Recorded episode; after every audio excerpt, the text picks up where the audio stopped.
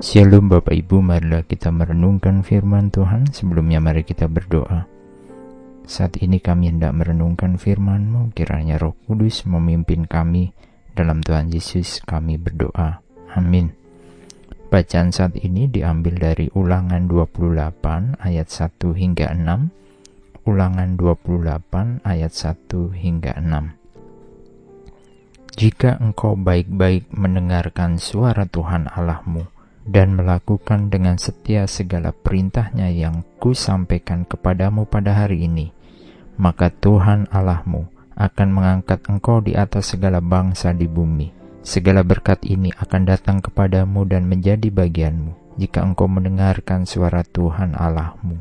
Diberkatilah engkau di kota dan diberkatilah engkau di ladang. Diberkatilah buah kandunganmu hasil bumimu dan hasil ternakmu, yakni anak lembu sapimu dan kandungan kambing dombamu. Diberkatilah bakulmu dan tempat adonanmu. Diberkatilah engkau pada waktu masuk dan diberkatilah engkau pada waktu keluar.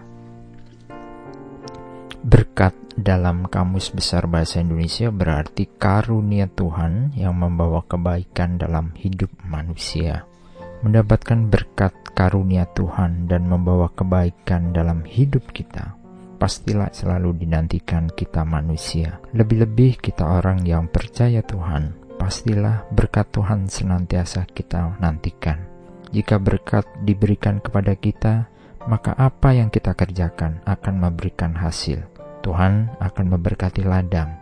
Ladang sebagai gambaran tempat di mana kita bekerja kota tempat di mana kita tinggal, Tuhan akan memberkati. Keturunan kita akan diberkati Tuhan.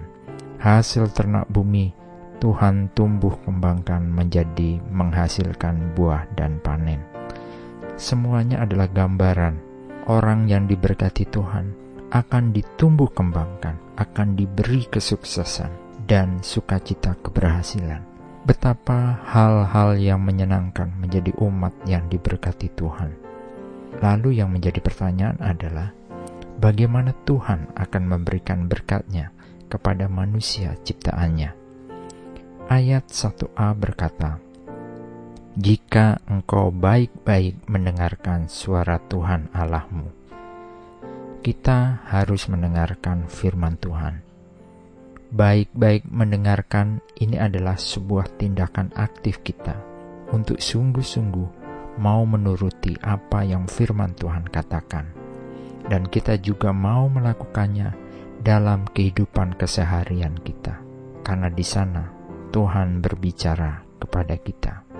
Dan selanjutnya di ayat 1b, tindakan aktif kita adalah melakukan dengan setia segala perintahnya perlu kesetiaan dalam melakukannya. Perintah Tuhan harus kita lakukan.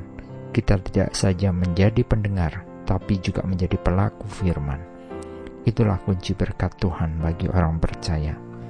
Jadi, jika kita ingin mendapatkan berkat Tuhan, dengarkan firman Tuhan dan jadilah pelaku firman-Nya. Amin. Mari kita berdoa. Tuhan kami rindu tidak saja menjadi pendengar firman Tuhan, tapi biarlah hidup kami juga menjadi pelaku firman-Mu, supaya berkat Tuhan ada dalam kehidupan kami, dan dalam Tuhan Yesus sumber pertolongan dan sumber berkat. Kami senantiasa berdoa dan memohon. Amin. Tuhan Yesus memberkati. Shalom.